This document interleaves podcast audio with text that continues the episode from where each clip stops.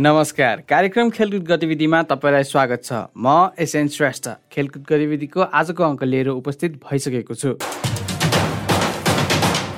यो कार्यक्रम हरेक शनिबार बेलुकी साढे छ बजेदेखि सात बजेसम्म Radio Candid ninety two point seven mega हर्जमा सुन्नु सक्नुहुन्छ। साथै हाम्रो रेडियो क्यान्डिडको अफिसियल फेसबुक पेज हाम्रो रेडियोको website W W W dot radio candid dot कममा र पोडकास्टमा समेत सुन्नु सक्नुहुन्छ।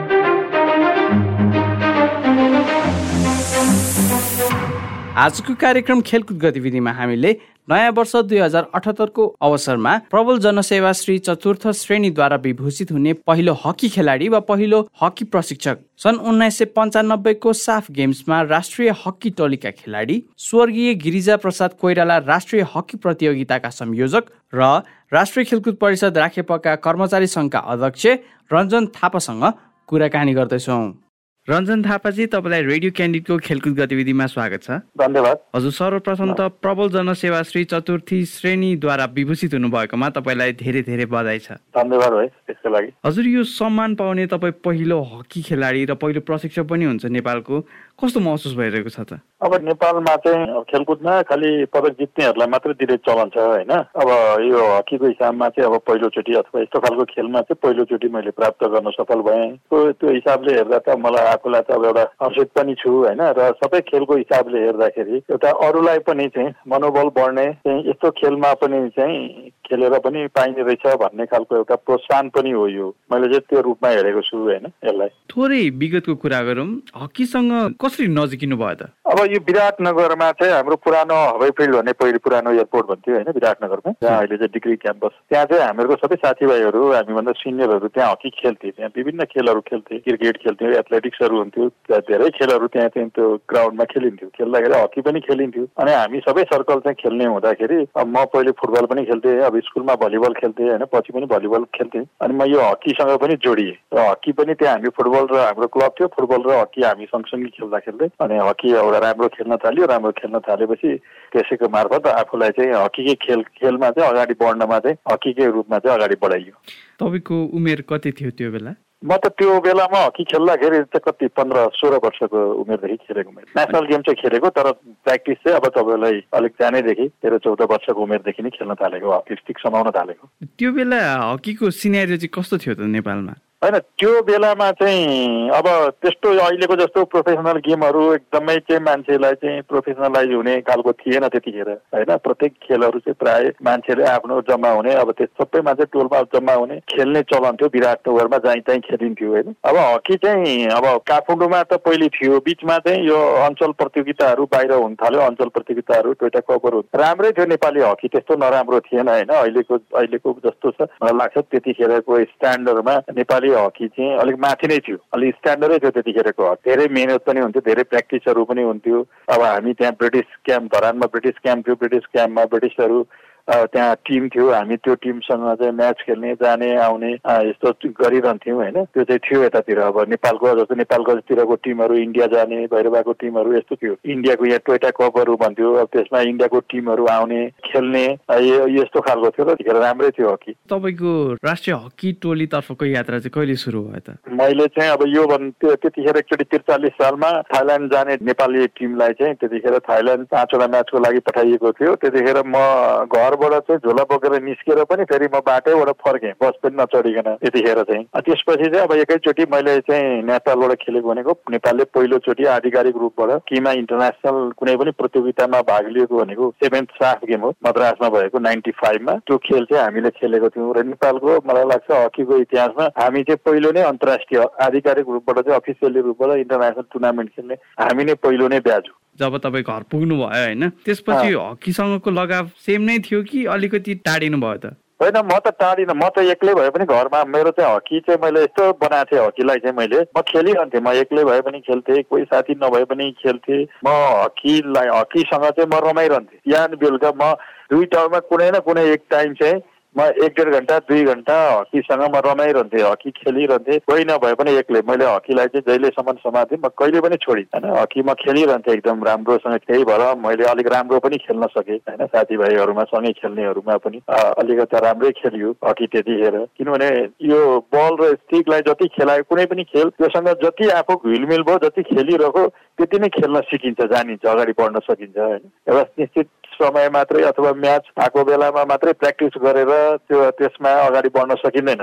अब नाइन्टिन नाइन्टी फाइभको साउथ एसियन गेम्सको पहिलो म्याचलाई सम्झिँदा अहिले कस्तो महसुस हुन्छ तपाईँलाई? होइन अब त्यतिखेर हामी पहिलोचोटि हकी खेल्न गयौँ त्यतिखेरको हकीको स्ट्यान्ड अलिक खस्किसकेको थियो बिचमा हकी लगभग अलिक बिचमा बन्द पनि भएको थियो होइन? अब हामी केही सिनियर मान्छेहरू मात्रै थियौँ नभए सबै जुनियर केटाहरू थियो भर्खर एक दुई वर्ष भएको थियो नेसनल गेम खेल्ने त्यस्तो केटाहरू लिएर हामी गयौँ खेल्न। अब जाँदाखेरि त्यतिखेरको चाहिँ अब इन्डिया पाकिस्तानको टिम भनेको चाहिँ वर्ल्ड ऱ्याङ्किङ पाकिस्तान त भर्खर वर्ल्ड कप जितेर आएको टिम थियो हकीमा। र पाकिस्तानको पनि सिनियर टिम अनि इन्डियाको पनि सिनियर सिनियर टिम दुइटै टिम थियो। त्यतिखेरको टिम होइन उनीहरूसँग खेल्ने अवसर पाइयो। अब त्यतिखेर अब हामीले खेल्दाखेरि त अब त्यो प्लेयरहरू जुन प्लेयरहरूसँग चाहिँ वास्तवमा चाहिँ हामीले कल्पना पनि गरेको थिएन कि हामी तिनीहरूसँग खेल्न पाइन्छ। पाकिस्तानको चाहिँ शाहबाज खान भनेको चाहिँ तपाईँलाई फुटबलको म्यारोडोना भने जस्तै हो हकीको। संसारको इतिहासमा हो त्यस्तो प्लेयरहरू अब इन्डियाको प्रकट सिंह त्यति गरेको क्याप्टेन होइन तिनीहरूसँग खेल्न पाइन्छ भन्ने हामीलाई कल्पना पनि थिएन। र तिनीहरूसँग खेल्न मैदानमा जुन बेलामा पाकिस्तानमा हामी खेल्न इन्डियामा जुन बेलामा ग्राउन्डमा उत्रियौँ पाकिस्तानसँग पहिलो म्याच खेल्दाखेरि हामी गेमभन्दा सुरुमा एकछिन त हामी तिनीहरूलाई नै हेर्ने त्यो प्लेयरलाई हामीले। किनभने त्यही प्लेयर म जो शाहबाज खानकै टिभीमा म हेरिरहन्थेँ र त्यसैको नक्कल गर्ने म कोसिस गर्थेँ प्र्याक्टिस गर्दाखेरि। त्यही प्लेयर आफ्नो अगाडि उभिँदाखेरि आफैलाई आश्चर्य चकित एकछिन चाहिँ यो हो कि होइन जस्तो लागेको थियो कि मलाई होइन? तर खेल्दै जाँदाखेरि हामीले अब गोल त खाइयो गोल त हकीमा धेरै पनि हुन्छ कुनै ठुलो कुरा होइन। तर त्यतिखेरको हाम्रो जुन स्पिड हामीले जसरी खेल्यौँ उनीहरूसँग जुन स्पिडमा खेल्यौँ त्यो खेलेर देखेर उनीहरू पनि छक्क एसियन हकी फेडरेसनको मान्छेहरू अरूहरूले पनि चाहिँ हामीलाई चाहिँ धेरै तारिफ पनि गरेको थियो त्यतिखेर तिमीहरूको देशमा। हकीको कुनै लिग पनि हुँदैन केही पनि हुँदैन खासै टुर्नामेन्ट पनि हुँदैन। तर तिमीहरूले जुन लेभलको चाहिँ एउटा पर्फर्मेन्स दौडिने स्पिड खेल्ने उनीहरूसँग चाहिँ बराबर दौडिने खालको त्यो खालको जुन गर्यो त्यो चाहिँ तिमीहरूको धेरै राम्रो छ। हामीले के सपोर्ट गर्नुपर्छ हामी गर्न तयार छौँ। तिमीहरू कन्टिन्यू खेल भनेको थियो तर अब नेपालमा त्यसपछि आएपछि यो खेलै अगाडि बढ्न सकेन बिचमा बन्दै भयो खेल त्यतिखेर। कति वर्ष जति यो हकीले सङ्घर्ष गर्नु पर्यो त्यो बन्दै भएको टाइम? यो बिचमा चाहिँ मलाई लाग्छ चार पाँच वर्ष यो गेमै बन्द भयो कुनै टुर्नामेन्ट भयो एकैचोटि पाँचौँ राष्ट्रिय खेलकुद जब भयो पाँचौँ राष्ट्रिय खेलकुद हुँदाखेरि फेरि हकी राखेर अनि हकी अगाडि फेरि बढेको। नभए त्यो नाइन्टी फाइभ पछि लगभग बन्दै भयो गेम धेरै बिचमा चाहिँ ग्यापै भयो। कुनै प्रतियोगिताहरू खासै हुन सकेन। नेसनल टुर्नामेन्ट पनि कन्टिन्यू हुन सकेन त्यति। प्रशिक्षणमा आउनुपर्छ भन्ने चाहिँ कहिले फिल भयो तपाईँलाई? होइन मलाई त प्रशिक्षणमा म आएर आउने कुनै कल्पना पनि थिएन होइन। यो यसमा आउँछु भनेर। नाइन्टी फाइभमा जुन बेलामा हामी सात गेम खेल्दै थियौँ बाहन्न सालमा त्यतिखेर हामी ट्रेनिङमा थियौँ। ट्रेनिङबाट जुन दिन इन्डिया जानुपर्ने हो यहाँ दरबन्दी खुल्या थियो त्यतिखेर। केशव स्थापित सदस्य हुनुहुन्थ्यो। उहाँले कोचहरूको सबै खेलको दरबन्दी खुल्या थियो। त्यति हकीको पनि खुल्या थियो। खोल्दाखेरि अनि हामीलाई अब अलिक राम्रो खेल्ने भएकोले अब हामी त्यतिखेर अलिक सिनियर पनि भइसकेका थियौँ होइन। अट्ठाइस सत्ताइस अट्ठाइस वर्ष पुगिसकेका थियो अनि हामीलाई वास्तवमा मलाई चाहिँ मैले चाहिँ भरेको पनि होइन मैले दर्को साथ थिएँ अर्को भाइले एकजना भाइ थियो उसलाई त खा म खान्न भनेको थिएँ। तर अब सङ्घ एसोसिएसनको र हाम्रो चिफ कोच अशोक पाण्डेले चाहिँ मलाई जबरजस्ती तिमी चाहिँ आउनुपर्छ तिम्रै लागि हो तिमी नै चाहिँ गर्नुपर्छ त्यहाँ। भनेर जबरजस्ती वास्तवमा मलाई उहाँले चाहिँ यसमा यो खेलमा यो को प्रशिक्षण विद्यामा तान्ने चाहिँ उहाँ नै हो मलाई। करारमा त्यतिखेर राखेर अनि हामी त्यही दिन इन्टरभ्यू दिएर हामी इन्डिया ट्रेनिङमा अमृतसर हामी ट्रेनिङमा जानु थियो र हामी त्यही दिन इन्डिया हिँडेको अहिले प्रशिक्षकको रूपमा तपाईँले हकीलाई हेर्दाखेरि नयाँ हकी खेलाडीहरूलाई हेर्दाखेरि नेपालमा हकीको सिनेरियो खेलाडीहरूको अवस्था चाहिँ कस्तो छ जस्तो लाग्छ त? अनि यो खेललाई त हामीलाई सबभन्दा अप्ठ्यारो त कहाँ छ भने यो खेललाई बताइरहनै गाह्रो छ अहिले। होइन? यसमा कुनै भविष्य छैन।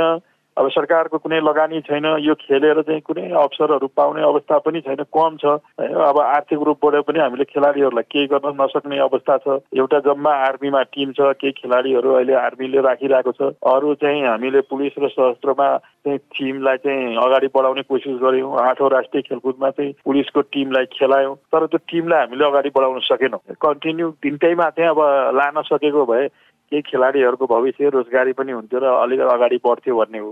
अब आउँछन् खेल्छन् खेलिसकेर चाहिँ कुनै अवसर काहीँ केही नपाउने अवस्था छ। अहिले बल्ल बल्ल एक दुईवटा टुर्नामेन्ट यसो इन्टरनेसनली खेल्न पाइरहेको छ नभए त केही पनि छैन। नाइन्टी फाइभमा साफ गेम खेलेको त्यसपछि एकैचोटि आएर दुई हजार दसमा खेलेको साफ गेम। त्योभन्दा अरू इन्टरनेसनल कहीँ पनि गएको छैन। अहिले यही बिचमा मात्रै हो दुई चारवटा टुर्नामेन्ट खेल्यो होइन अब। नभए कहीँ छैन। मलेसिया गयो केटीहरूको टिम थाइल्यान्ड केटाहरूको केटी गयो पाकिस्तान केटाहरू केटीहरूको टिम गयो होइन। यो चाहिँ अहिले आएर यो बिचमा यो दुई चार वर्षको दरियामा मात्रै हो। नभए थिएन बिचमा। अब यही बाहिर जाने अवसरहरू पाउने हो भने नेपाली हकी अगाडि बढ्न सक्छ। अहिले हामीलाई चाहिँ नेपाली हकी अथवा नेपालको धेरै स्पोर्ट्सहरू अगाडि बढाउनलाई चाहिँ इन्डियामा रहेको नेपालीहरूको पनि धेरै ठुलो सहयोग छ। हकी चाहिँ इन्डियामा नेपालीहरू जति पनि इन्डियामा बस्छन् प्रायः चाहिँ नेपालीको छोराछोरीहरूले हकी खेल्छन्। किनभने त्यहाँ हकी खेल्यो भने स्कुलमा प्लस टूहरू पढ्नको लागि फ्री सिप हुन्छ अनि जबहरू पनि पाउन सक्ने सम्भावना भएको कारणले प्रायः इन्डियामा पढ्ने मान्छेहरू चाहिँ हकी खेल्छन्। त्यो भएर पनि अहिले हामीलाई केही प्लेयरहरू चाहिँ राम्रो प्लेयरहरू इन्डियाको कारणले पनि प्राप्त गरिएको छैन। त्यही कारणले गर्दा पाकिस्तानमा हामीले चाहिँ एउटा पहिलोचोटि इन्टरनेसनल हकी फेडरेसनको टुर्नामेन्ट खेल्दाखेरि हामी चाहिँ त्यहाँ अब तेस्रो स्थान पनि ल्यायौँ।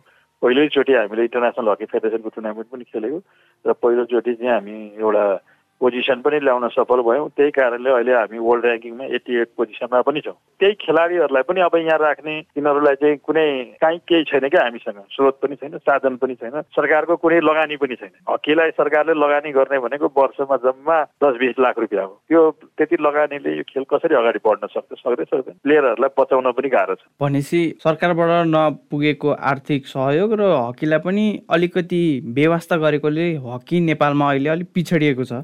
सरकारको त कुनै लगानी नै छैन नेपालमा होइन? केही छैन। अब महिला हकीको कुरा गर्ने हो भने महिला हकीलाई चाहिँ राम्रोसँग लगानी गर्ने हो भने मलाई लाग्छ हामी साउथ एसियन रिजनमा फुटबलको जस्तै इन्डिया पछिको हामी दोस्रो नम्बरमा हौँ। तर अब लगानी नलगाउने अरू देशहरूले लगानी लगाउने गर्ने हो भने उनीहरू अगाडि बढ्छन् बङ्गलादेशको भर्खर दुई वर्ष भयो महिला हकीको टिम तयार गरेको। उनीहरूको यति धेरै लगानी छ अहिले उनीहरूको स्ट्यान्डर्ड अब कहाँबाट कहाँ पुगिसक्यो पहिलेको भयो उनीहरूले त्यसरी ट्रेनिङ गराउने राख्ने खेलाडीहरूलाई होइन? अब जे चाहियो त्यही दिने। इन्टरनेसनल टुर्नामेन्ट उनीहरूको जस्तो सुकै पर्फर्मेन्स भए पनि इन्टरनेसनल टुर्नामेन्टहरू खेल्न जाने खेलाइरहने गरिरहेछ। त्यसरी उनीहरू अब त्यो हिसाबमा लगानी गरे उनीहरू माथि जान्छ हामी तल जान्छौँ लगानी लगा लगाएन भने। अनि भोलि रिजल्ट खोज्छौँ फेरि हामी अन्तिममा टुर्नामेन्टमा अनि टुर्नामेन्टमा रिजल्ट पाउन सकिन्छ। त्यसैले अलिकता पनि लगानी गर्ने हो भने महिला हकी चाहिँ साउथ एसियन रिजनमा हामी दोस्रो हुन सक्छौँ। र हकी अब यो नेपालमा चाहिँ खेलकुदको मान्छेले नबुझेकै कुरा हो। किन नबुझेको कुरा हुन्छ मेरो भने इन्डिया हामीसँग नजिक छ वर्ल्ड ऱ्याङ्किङमा हामीले अलिकता लगानी गर्ने र इन्डियाको साधारण टुर्नामेन्टहरू इन्डियाको ट्रेनिङ क्याम्पहरू इन्डियाको लागि युज गर्ने भने उनीहरूले हामीलाई फ्रीमा ट्रेनिङ क्याम्पहरू दुई महिना तिन महिना एक महिना बस इन्डियन गभर्मेन्टहरूले इन्डियाको एसोसिएसनहरूले मिलाइदिन्छ। त्यो फाइदाहरू टुर्नामेन्ट खेल्नेहरू यो सब कुरा सस्तोमा गर्न सकिन्छ। अर्को चाहिँ एसियाकै रूपमा गर्ने हो भने महिला हकीलाई चाहिँ राम्रो अलिकति लगानी गर्ने हो भने हामी चाहिँ नौ नम्बर दस नम्बरभित्र एसियामा आउन सक्छौँ। अहिले त्यो चार पाँच वर्षभित्रमा होइन? हाम्रो त्यो कन्डिसन छ। तर अब नेपालमा त्यसको बुझाउनै गाह्रो। हकी भनेपछि ए यस्तो खेल भन्ने गाह्रो यहाँ त्यो त्यो त्यस्तो अवस्था छ। होइन? अब यहाँ स्पोन्सरहरू पनि पाउने अवस्था छैन हकी जस्तो खेलमा। त्यसैले बहुत गाह्रो छ यो खेल अगाडि बढाउनु पूर्वाधारमा पनि हामीलाई हकी विकास गर्न समस्या छ कि कस्तो छ? पूर्वाधार त नेपालमा हकी खेल्ने पूर्वाधारै छैन। अहिले होइन एस्ट्रो एस्ट्रोटर्फमा खेल्छन् सेन्थेटिक ग्राउन्ड हुन्छ इन्टरनेसनल टुर्नामेन्टहरू अब नेपालमा त छँदै छैन। नेपालमा त हामी यही ग्रास ग्राउन्ड यो फुटबल ग्राउन्डमै खेलिरहेछौँ ग्रास ग्राउन्डमै खेलिरहेछौँ हामीले त्यही भएर इन्टरनेसनल टुर्नामेन्ट खेल्न जानु भने अर्काको देशमा गएर अरू ठाउँमा बसेर ट्रेनिङ गर्नुपर्छ। त्यस्तो अवस्था छ। अब हामीलाई एसियन हकी फेडरेसनले पाकिस्तानमा एक महिना ट्रेनिङ दिएको थियो दुई हजार अठार त्यतिखेर बाइसजना पुरुष खेलाडी बाइसजना महिला खेलाडी दुईवटा टिम बनाएर दुइटै टिम हामीले लिएर गयौँ। त्यहाँ गएर एक महिना ट्रेनिङ गर्ने गर्दाखेरि नै नेपालको हकीको महिलाहरूको स्तर पुरुषहरूको स्तर खेल्ने स्तरै फरक भइसकेको थियो। अहिले त्यो ट्रेनिङले अहिलेसम्म त्यो धानिरहेको छ। उनीहरूको स्ट्यान्डर्ड बढेको छैन त्यसैले आफ्नो यस्तो टर्फ हुने हो भने एउटा खेल ग्राउन्ड मात्रै बन्ने हो भने त्यसले चाहिँ धेरै ठुलो अगाडि बढ्छ। किनभने त्यो बन्ने बित्तिकै इन्टरनेसनल टुर्नामेन्टहरू हुन्छ।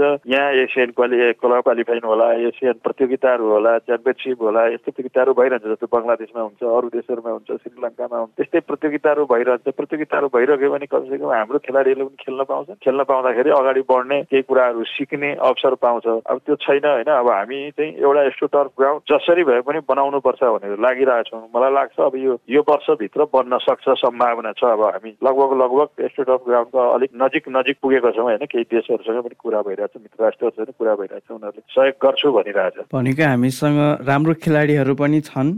प्रशिक्षकहरूको सङ्ख्या पनि बढ्दैछ तर पूर्वाधार र इन्भेस्टमेन्ट नभएको कारणले चाहिँ नेपालमा हकी एकदमै धेरै जीर्ण अवस्थामा छ भन्नु मिल्छ। मेन कुरा त पूर्वाधार छैन एउटा। एउटा कुरा प्रतियोगिता पनि छैन होइन? पहिले त प्रतियोगिता एउटा जम्मा राष्ट्रिय प्रतियोगिता हुन्थ्यो यो बिचमा दस पन्ध्र वर्षमा। अहिले बल्ल हामीले एउटा महिला पुरुष हकी प्रतियोगिता एउटा पुरुषको हकी प्रतियोगिता। दुईवटा प्रतियोगिता चाहिँ अलिकता प्राइज मनी राखेर गरिरहेछ। होइन? नभए त्यो पनि थिएन। अब यो विराटनगरमा यो मै संयोजक भएर तिनचोटि भइसक्यो होइन? तेस्रो यसपालि अस्ति भर्खर चाहिँ सम्पन्न गरेको प्रसाद कोइरालाको राष्ट्रिय पुरुष हकी प्रतियोगिता पहिलोचोटि पनि मैले मै संयोजक थिएँ दोस्रोचोटि पनि गर्दा मै थिएँ तेस्रो चाहिँ बिचमा कोभिड भएर भएन यसपालि गरियो। अब त्यसलाई चाहिँ अलिकता मैले प्रोफेसनल बनाउने अलिक फुटबलहरूको जस्तै चाहिँ अलिक टुर्नामेन्टमा चाहिँ आर्थिक पनि गर्ने भनेर। अब हामीले दुइटामा पचास पचास हजार पहिले राखेको थियो। अब यसपालि मैले त्यसलाई बढाएर पचास हजार पुऱ्याएँ होइन। सेकेन्ड प्राइज पच्चिस हजार थियो एकचालिस हजार पुऱ्याइयो। अब थर्ड प्राइज पन्ध्र हजार थियो पच्चिस हजार पुऱ्याइयो। अब केलीको म्यान अफ द म्याच एउटा खेलाडीलाई एक हजार मैले नै सुरु गरेको थिएँ होइन। टिमबाट त्यही टुर्नामेन्टबाट सुरु गरेको थियो। यसपालि दुई हजार पुऱ्याइयो। अब पाँचजना प्लेयरहरूलाई चाहिँ लास्टमा टुर्नामेन्टको आयो सबै best goalkeeper best defender highest scorer त्यो राइजिङ प्लेयर भनेर पाँचजनाहरूलाई चाहिँ अब पाँच पाँच हजारको दरले चाहिँ अब दिइरहेको छौँ होइन। अब यसलाई अलिकता प्रोफेसनल दुईवटा टुर्नामेन्टलाई चाहिँ अलिक प्रोफेसनल बनाउने कि भनेर हामी लागिरहेछौँ अब त्यो अब अब गाह्रो पनि छ क्या। स्पोन्सर बाहिर खोज्न गाह्रो। कुनै कम्पनीमा कुनै काहीँ गयो भने हकी भन्ने बित्तिकै मान्छे यहाँ कस्तो छ भने दर्शक खोज्छ मान्छेले पहिले। होइन हामी फुटबल या नेपालमा फुटबल त पपुलर छ सबभन्दा पपुलर गेम। त्यही फुटबल जस्तै दर्शक मान्छे हुन्छ कि हुँदैन भन्छ कि? कति ठाउँमा अनि म उनीहरूलाई सम्झाउँछु पनि। होइन गरेको पनि छ। अब यसपालि टेलिकमले पनि हामीलाई दिएको थियो। डेढ लाख रुपियाँ र पहिलोचोटि भनेर होइन योभन्दा अगाडि अब वाणिज्य ब्याङ्कले दिएको थियो। तर हामी कन्टिन्यू गर्न सकिँदैन गाह्रो छ। तर पनि अब यसलाई कसरी अगाडि बढाउने भनेर चाहिँ हामी लागिरहेको छौँ र प्रोफेसनल टुर्नामेन्ट अलिकता आर्थिक रूपबाट चाहिँ खेलाडीहरूले केही प्राप्त गर्ने भयो भने अलिक आकर्षण पर्छ भन्ने हामीले लागेको छ। र अब अलिकता लिगको रूपमा पनि लानुपर्छ कि भनेर पोहोर सालदेखि हामी छलफल गरिरहेछौँ कोभिडको कारणले। अब यसपालि सम्भव भयो भने महिला लिग गर्ने कि भन्ने कुरा पनि भइरहेछ अब हेरौँ त्यो कति सफल हुन्छ। रञ्जनजी तपाईँ त अब राखेपको कर्मचारी सङ्घको अध्यक्ष पनि हुनुहुन्छ। तपाईँले त हकीलाई मात्र नभई नेपालको थुप्रै खेलहरूको जिम्मा पनि बोक्नु भएको छ एक हिसाबले गाउँ संस्थाको रूपमा। अब यसरी हेर्दै गर्दा तपाईँले भन्नुभयो हकी नै यस्तो अवस्थामा छ भनेर। अझ नेपालमा भएको थुप्रै खेलहरू त हकीभन्दा पनि पछाडिको अवस्थामा छ जस्तो मलाई लाग्छ। मेन समस्या चाहिँ हामीलाई के को भइरहेको छ त नेपालमा खेलकुदको विकास गर्नको लागि? नेपाली खेलकुदको विकासको बाधक भनेको यहाँको खेलकुदको नीति नै हो। पोलिसी नै हो। यो ऐन जुन बनेको छ खेलकुदलाई जसरी चलायमान गर्ने चाहिँ परिपाटी छ यो नै चाहिँ गलत ढङ्गबाट गएको छ। किनभने पञ्चायत कालमा खेलकुदको जसरी स्थापना भयो खेलकुदलाई जुन रूपबाट चाहिँ सञ्चालन गर्ने गरियो त्यसैको निरन्तरता छ। यस्तो सिस्टम संसारमा काहीँ पनि छैन। यो राजनीति नियुक्ति हुने होइन खेलकुद विकास समितिहरू गठन गर्ने क्षेत्रीय खेलकुद गठन गर्ने अहिले अब प्रदेश खेलकुद गठन गर्ने राष्ट्रिय खेलकुद परिषद गठन गर्ने पोलिटिकल्ली मान्छेहरू आउने अनि त्यहाँ बस्ने उनीहरूले यस्तो खालको परिपाटी काहीँ पनि छैन। सरकारको ध्यान कहाँ हुनुपर्ने भने खेलाडी उत्पादन गर्नमा सरकारको ध्यान हो। हामीहरूको नेपालमा चाहिँ ध्यान कहाँ छ भन्दा राष्ट्रिय खेलकुद परिषदको खेलाडी उत्पादन गर्ने भन्दा प्रतियोगिता मात्रै गर्ने प्रतियोगिताले अगाडि बढ्न सक्दैन। प्रतियोगिता पनि एउटा चाहिँ चाहिन्छ आवश्यक हो। प्रतियोगिता बिना हुँदैन। तर जुन चिज उत्पादनै भएन खेलाडी भने प्रतियोगिता मात्रै गरेर के हुन्छ? त्यही नराम्रो खेलाडी खेल्ने हो। अनि नराम्रो खेलाडी मध्ये राम्रो खेलाडी छानेर हामी कहाँ पुग्न सकिन्छ? कहीँ पनि पुग्न सकिँदैन। राम्रो मध्ये अझै राम्रो छान्न पाइयो भने पो अगाडि बढ्न सकिन्छ। अब अहिले नेपालको खेलकुद भनेको चाहिँ नराम्रो खेलाडी जो जस्तो खेल्छन् आफै खेल्ने जस्तो छ। त्यही ल्याएर खेलाउने खेलेर खेल्छन् उनीहरू खेलेको मध्येबाट छान्नुपर्ने। आज साठी वर्षकोमा नैवटा स्पोर्ट्स एकाडेमी छ। ट्रेनिङ सेन्टर कहीँ छैन होइन? कोच राखेको छ खेल सामग्री छैन केही छैन ट्रेनिङ गराउने ठाउँ छैन। आफै गरे गर नगरे नगर त्यस्तो खालको परिपाटी छ नेपालमा। त्यसैले यस्तो खालको खेलकुदबाट चल्दैन। स्पोर्ट्स एकाडेमी गभर्मेन्टले बनाउनुपर्छ र खेलाडीहरूलाई त्यहीँ राख्नुपर्छ। त्यहीँ बस्ने त्यहीँ खाने त्यहीँ पढ्ने सुविधासहित राज्यले व्यवस्था गर्नुपर्छ। अनि मात्रै खेलाडी उत्पादन हुन्छ। हामीहरूकै छिमेकी देश हेऱ्यो भने भारतमै हेऱ्यो भने सेन्ट्रल गभर्मेन्टको काम स्पोर्ट्स अथोरिटी अफ इन्डिया भनेर उनीहरूले ट्रेनिङ सेन्टर खोलाएको छ त्यसभरि त्यहाँ उनीहरूले ट्रेनिङ गराउँछ खेलाडी। उत्पादन मात्रै गर्छ उनीहरूले। उत्पादन भएपछि त बिक्री हुने हो। कुनै पनि सामान उत्पादन भयो भने त बिक्री गर्न सकिन्छ। अब यहाँ सरकारले उत्पादनै छैन अनि कहाँबाट बेच्ने त हामी? हामी कहाँ पुग्न सकिन्छ? कहीँ पनि पुग्न सकिन्छ। त्यसैले यो संरचना परिवर्तन हुनुपर्छ। हामीले खेलकुद ऐनभन्दा पनि हामीले अस्ति भर्खर संविधान जारी भइसकेपछि त्यही प्रारूप अनुसारको ऐन परिवर्तन गर्दा पनि हामीले धेरै ठुलो कुरो उठायौँ मुद्दा। तर यहाँ कसैले सुनवाई किनभने राजनीति नियुक्ति गर्न बोलाउने पोलिटिकल लिडरहरू यो राजनीति नियुक्ति गर्ने हटाउने कोही पनि तयार छ त्यसैले यो संरचनाबाट खेलकुद कहीँ अगाडि बढ्न सक्दैन। यही पुरातन यस्तै खालको जहाँ छ हामी त्यही मात्रै हो। त्योभन्दा अगाडि कहिले बढ्न सक्दैन। भनेपछि नेपालमा जबसम्म खेलकुदको लागि एउटा स्वतन्त्र निकाय हुँदैन तबसम्म खेलकुदको विकास एकदमै गाह्रो छ। होइन राज्यले प्रायोरिटी गर्नु पर्यो के हो राज्यको ध्यान? होइन खेलाडी उत्पादन सबभन्दा प्रायोरिटी हो नि त। होइन हाम्रोमा खेलाडी उत्पादनमा प्रायोरिटी काहीँ पनि छैन केही पनि छैन। नेसनल टिमकोमा खेलाडीलाई ट्रेनिङ गराएर मात्रै खेल अगाडि बढ्छ त बढ्दैन नि त त्यहाँ राष्ट्रिय टिममा चाहिँ राम्रो खेलाडी आयो भने न त्यसले ट्रेनिङले चाहिँ अझै राम्रो हुन्छ।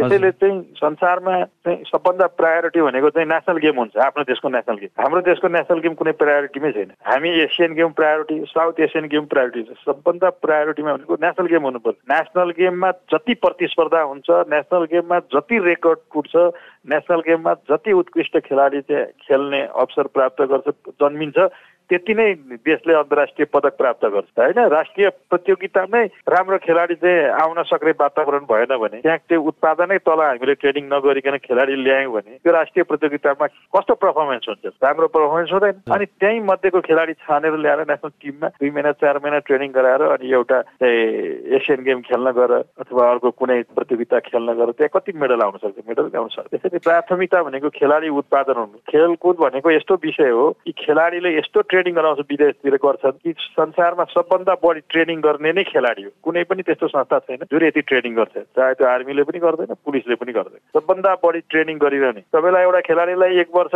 ट्रेनिङ गराउनु पन्ध्र दिन बिदा घर बस्न दिनुहोस् त्यो जिरोमा आउँछ। फेरि जिरोबाट सुरु गर्नुपर्छ भन्छ। स्पोर्ट्स साइन्स त्यस्तो हो खेलकुद भनेको। तर यहाँ कुनै मतलब छैन। एउटा खेलाडी आउँछ खेल्छ आनन्दले घरमा जाने महिनौ बस्ने फेरि कहिले टुर्नामेन्ट हुन्छ अनि बोलाउने अनि आउने। अनि खेल्ने त्यसरी कसरी अगाडि बढ्न सक्छ? अनि खेलाडीलाई राख्ने एउटा ट्रेनिङ गर्ने ठाउँ छैन। एउटा राष्ट्रिय टिम राख्नु पर्यो भने लगाएर होटलमा राख्नुपर्छ। काहीँ ट्रेनिङ गर्ने ठाउँ छैन खोज्दै हिँड्नुपर्छ ट्रेनिङ गराउने ठाउँ। अहिले एसियनै गेमको चाहिँ हामी यहाँ चाहिँ अहिले एसियन गेमको तेइसवटा खेलमा जाने। त्यो तेइसवटा खेलको चाहिँ ट्रेनिङ क्याम्प राख्नु पर्यो भने हामीलाई यहाँ खोज्नुपर्छ। कहाँ ठाउँै छैन ट्रेनिङ सेन्टरै छैन। तर अब यसलाई न्यूनीकरण गरेर देशमा साँच्चीकै खेलकुद विकास गर्ने हो भने सरकारी सहयोग बिना हामी अगाडि जान सक्दैनौँ भनेपछि। होइन सरकारी र प्राइभेट दुइटै सेक्टर प्राइभेट सेक्टरलाई पनि ल्याउनुपर्छ। प्राइभेट सेक्टरहरूलाई चाहिँ कमसेकम खेलकुद स्पोन्सरहरू गरे बापत उनीहरूलाई के छुट दिने त राज्यले? कर छुट दिने के छुट दिने? यस्तो खालको प्रोत्साहन चाहिँ गर्नुपर्छ। हामीले धेरै कुरा राखेको छौँ तर मन्त्रालयहरूले खासै अगाडि बढाउन सकेको छ प्राइभेट सेक्टर नआइकन अगाडि बढ्न सक्दैन यो प्रतियोगिताहरू भनेको चाहिँ प्राइभेट सेक्टरहरूकै मार्फत हुनुपर्छ। उनीहरूकै लगानी चाहिँ गर्ने वातावरण बन्नुपर्छ प्राइभेट स्पोन्सर आउनुपर्छ प्रतियोगिताहरू गर्नको लागि। सरकारले चाहिँ खेलाडी उत्पादनमा ध्यान दिनुपर्छ। उत्पादन गर्ने खेलाडी उत्पादन गर्ने अनि मेडल ल्याउने अनि पुरस्कार दिने त्यतातिर चाहिँ ध्यान प्रोत्साहन गर्ने अनि यो जबहरूमा चाहिँ ग्यारेन्टी गर्ने खेलाडीहरूलाई चाहिँ भविष्य यिनीहरूको चाहिँ छ है तिमीले खेलेर भन्ने खालको वातावरण पद अब अहिले नेपालमा हेऱ्यो भने दुईवटा खेलाडी चाहिँ विदेश गयो। एउटा खेलाडीले पदक ल्यायो भने उसले पैसा प्राप्त गर्ने अर्को खेलाडीले पदक ल्याउन सकेन भने उसले केही पनि प्राप्त गर्न नसक्ने खालको वातावरण छ नेपाल त्यही खालको रूपबाट अगाडि बढाएको छ। त्यस्तो भएपछि पदक प्राप्त नगर्ने खेलाडीले चाहिँ के गर्ने त? अनि पलायन हुनुपर्ने। अनि अलिक दिन खेल्ने पलायन हुने अलिक दिन खेल्ने पलायन हुने। खेलाडी भनेको त त्यत्रो दुःख गरेर त्यत्रो कष्ट गरेर त्यति लगानी गरेर त्यो खेलाडीलाई उत्पादन गरेपछि त्यसले रिजल्ट दिन सक्ने वातावरण खेल्न सक्ने सम्बन्ध राख्न सक्ने चाहिँ वातावरण त हामीले बनाउनु पर्यो नि। अनि खेल्छ नि त खेलाडीले। उसलाई चाहिँ कुनै दुःख भएन। खेलुन्जेल खेलिसकेपछि पनि मेरो भविष्य यसमा सुनिश्चित छ भन्ने भयो भने त उसले खेल्छ अनि अरू पनि मान्छे आउँछ। यहाँ त त्यो खालको वातावरण छैन न रोजगारी छ न केही छ केही पनि छैन कहीँ केही पाउँदैन खेलकुद खेलेर। त्यो पदक मरिमरि गरेर पदक ल्यायो भने पैसा पाउने हो त्योभन्दा अरू केही पनि छैन विकल्प सधैँ पैसा पाउने वातावरण बनाउनु पर्यो। रञ्जनजी तपाईँसँग अझै धेरै कुराकानी गर्न मन थियो तर के गर्नु समयको पाबन्दी छ। यसकारण जाँदा जाँदै खेलकुद गतिविधिको प्लेटफर्मबाट यदि तपाईँले श्रोताहरूलाई सम्पूर्ण सम्बन्धित निकाय जो जसले सुनिरहनु भएको छ उहाँहरूलाई केही भन्न चाहनुहुन्छ भने प्लिज भनिदिनुहोस् होइन खेलकुद चाहिँ म मेरो चाहिँ सबैसँग अनुरोध चाहिँ के हो भने सबैले आफ्नो छोराछोरीलाई गेम खेलाउनुपर्छ। खेलाउनुपर्छ। खेल खेलले चाहिँ तपाईँलाई मनोबल बढाउँछ स्वस्थ बनाउँछ अनुशासित बनाउँछ होइन धेरै कुरा खेलकुदले सिकाउँछ। हामी चाहिँ खेलाडी आफ्नो छोराछोरीहरू बिग्रिन्छ भनेर खेलाउँदैनौँ। अनि जब बिग्रिन थाल्यो भने ड्रग खान थाल्यो भने अथवा कतै गयो बिग्रिन थाल्यो भने चाहिँ अनि खेलकुदमा लिएर आउँछौँ मेरो छोरा बिग्रिन थाल्यो खेलाइदिनु पऱ्यो यसो गर्नुपर्छ भन्छ। म सबैसँग मेरो चाहिँ अनुरोध हो जेसुकै भए पनि आफ्नो पढाइलाई पनि निरन्तरता गर्ने आफ्नो कामलाई पनि निरन्तरता गर्दै आफ्नो छोराछोरीहरूलाई चाहिँ खेलाउन चाहिँ खेलाउनुपर्छ। खेलायो भने त्यसले कमसेकम ऊ फिजिकल्ली फिट हुन्छ स्वस्थ मनस्थिति भयो भने पढाइ पनि राम्रो हुन्छ।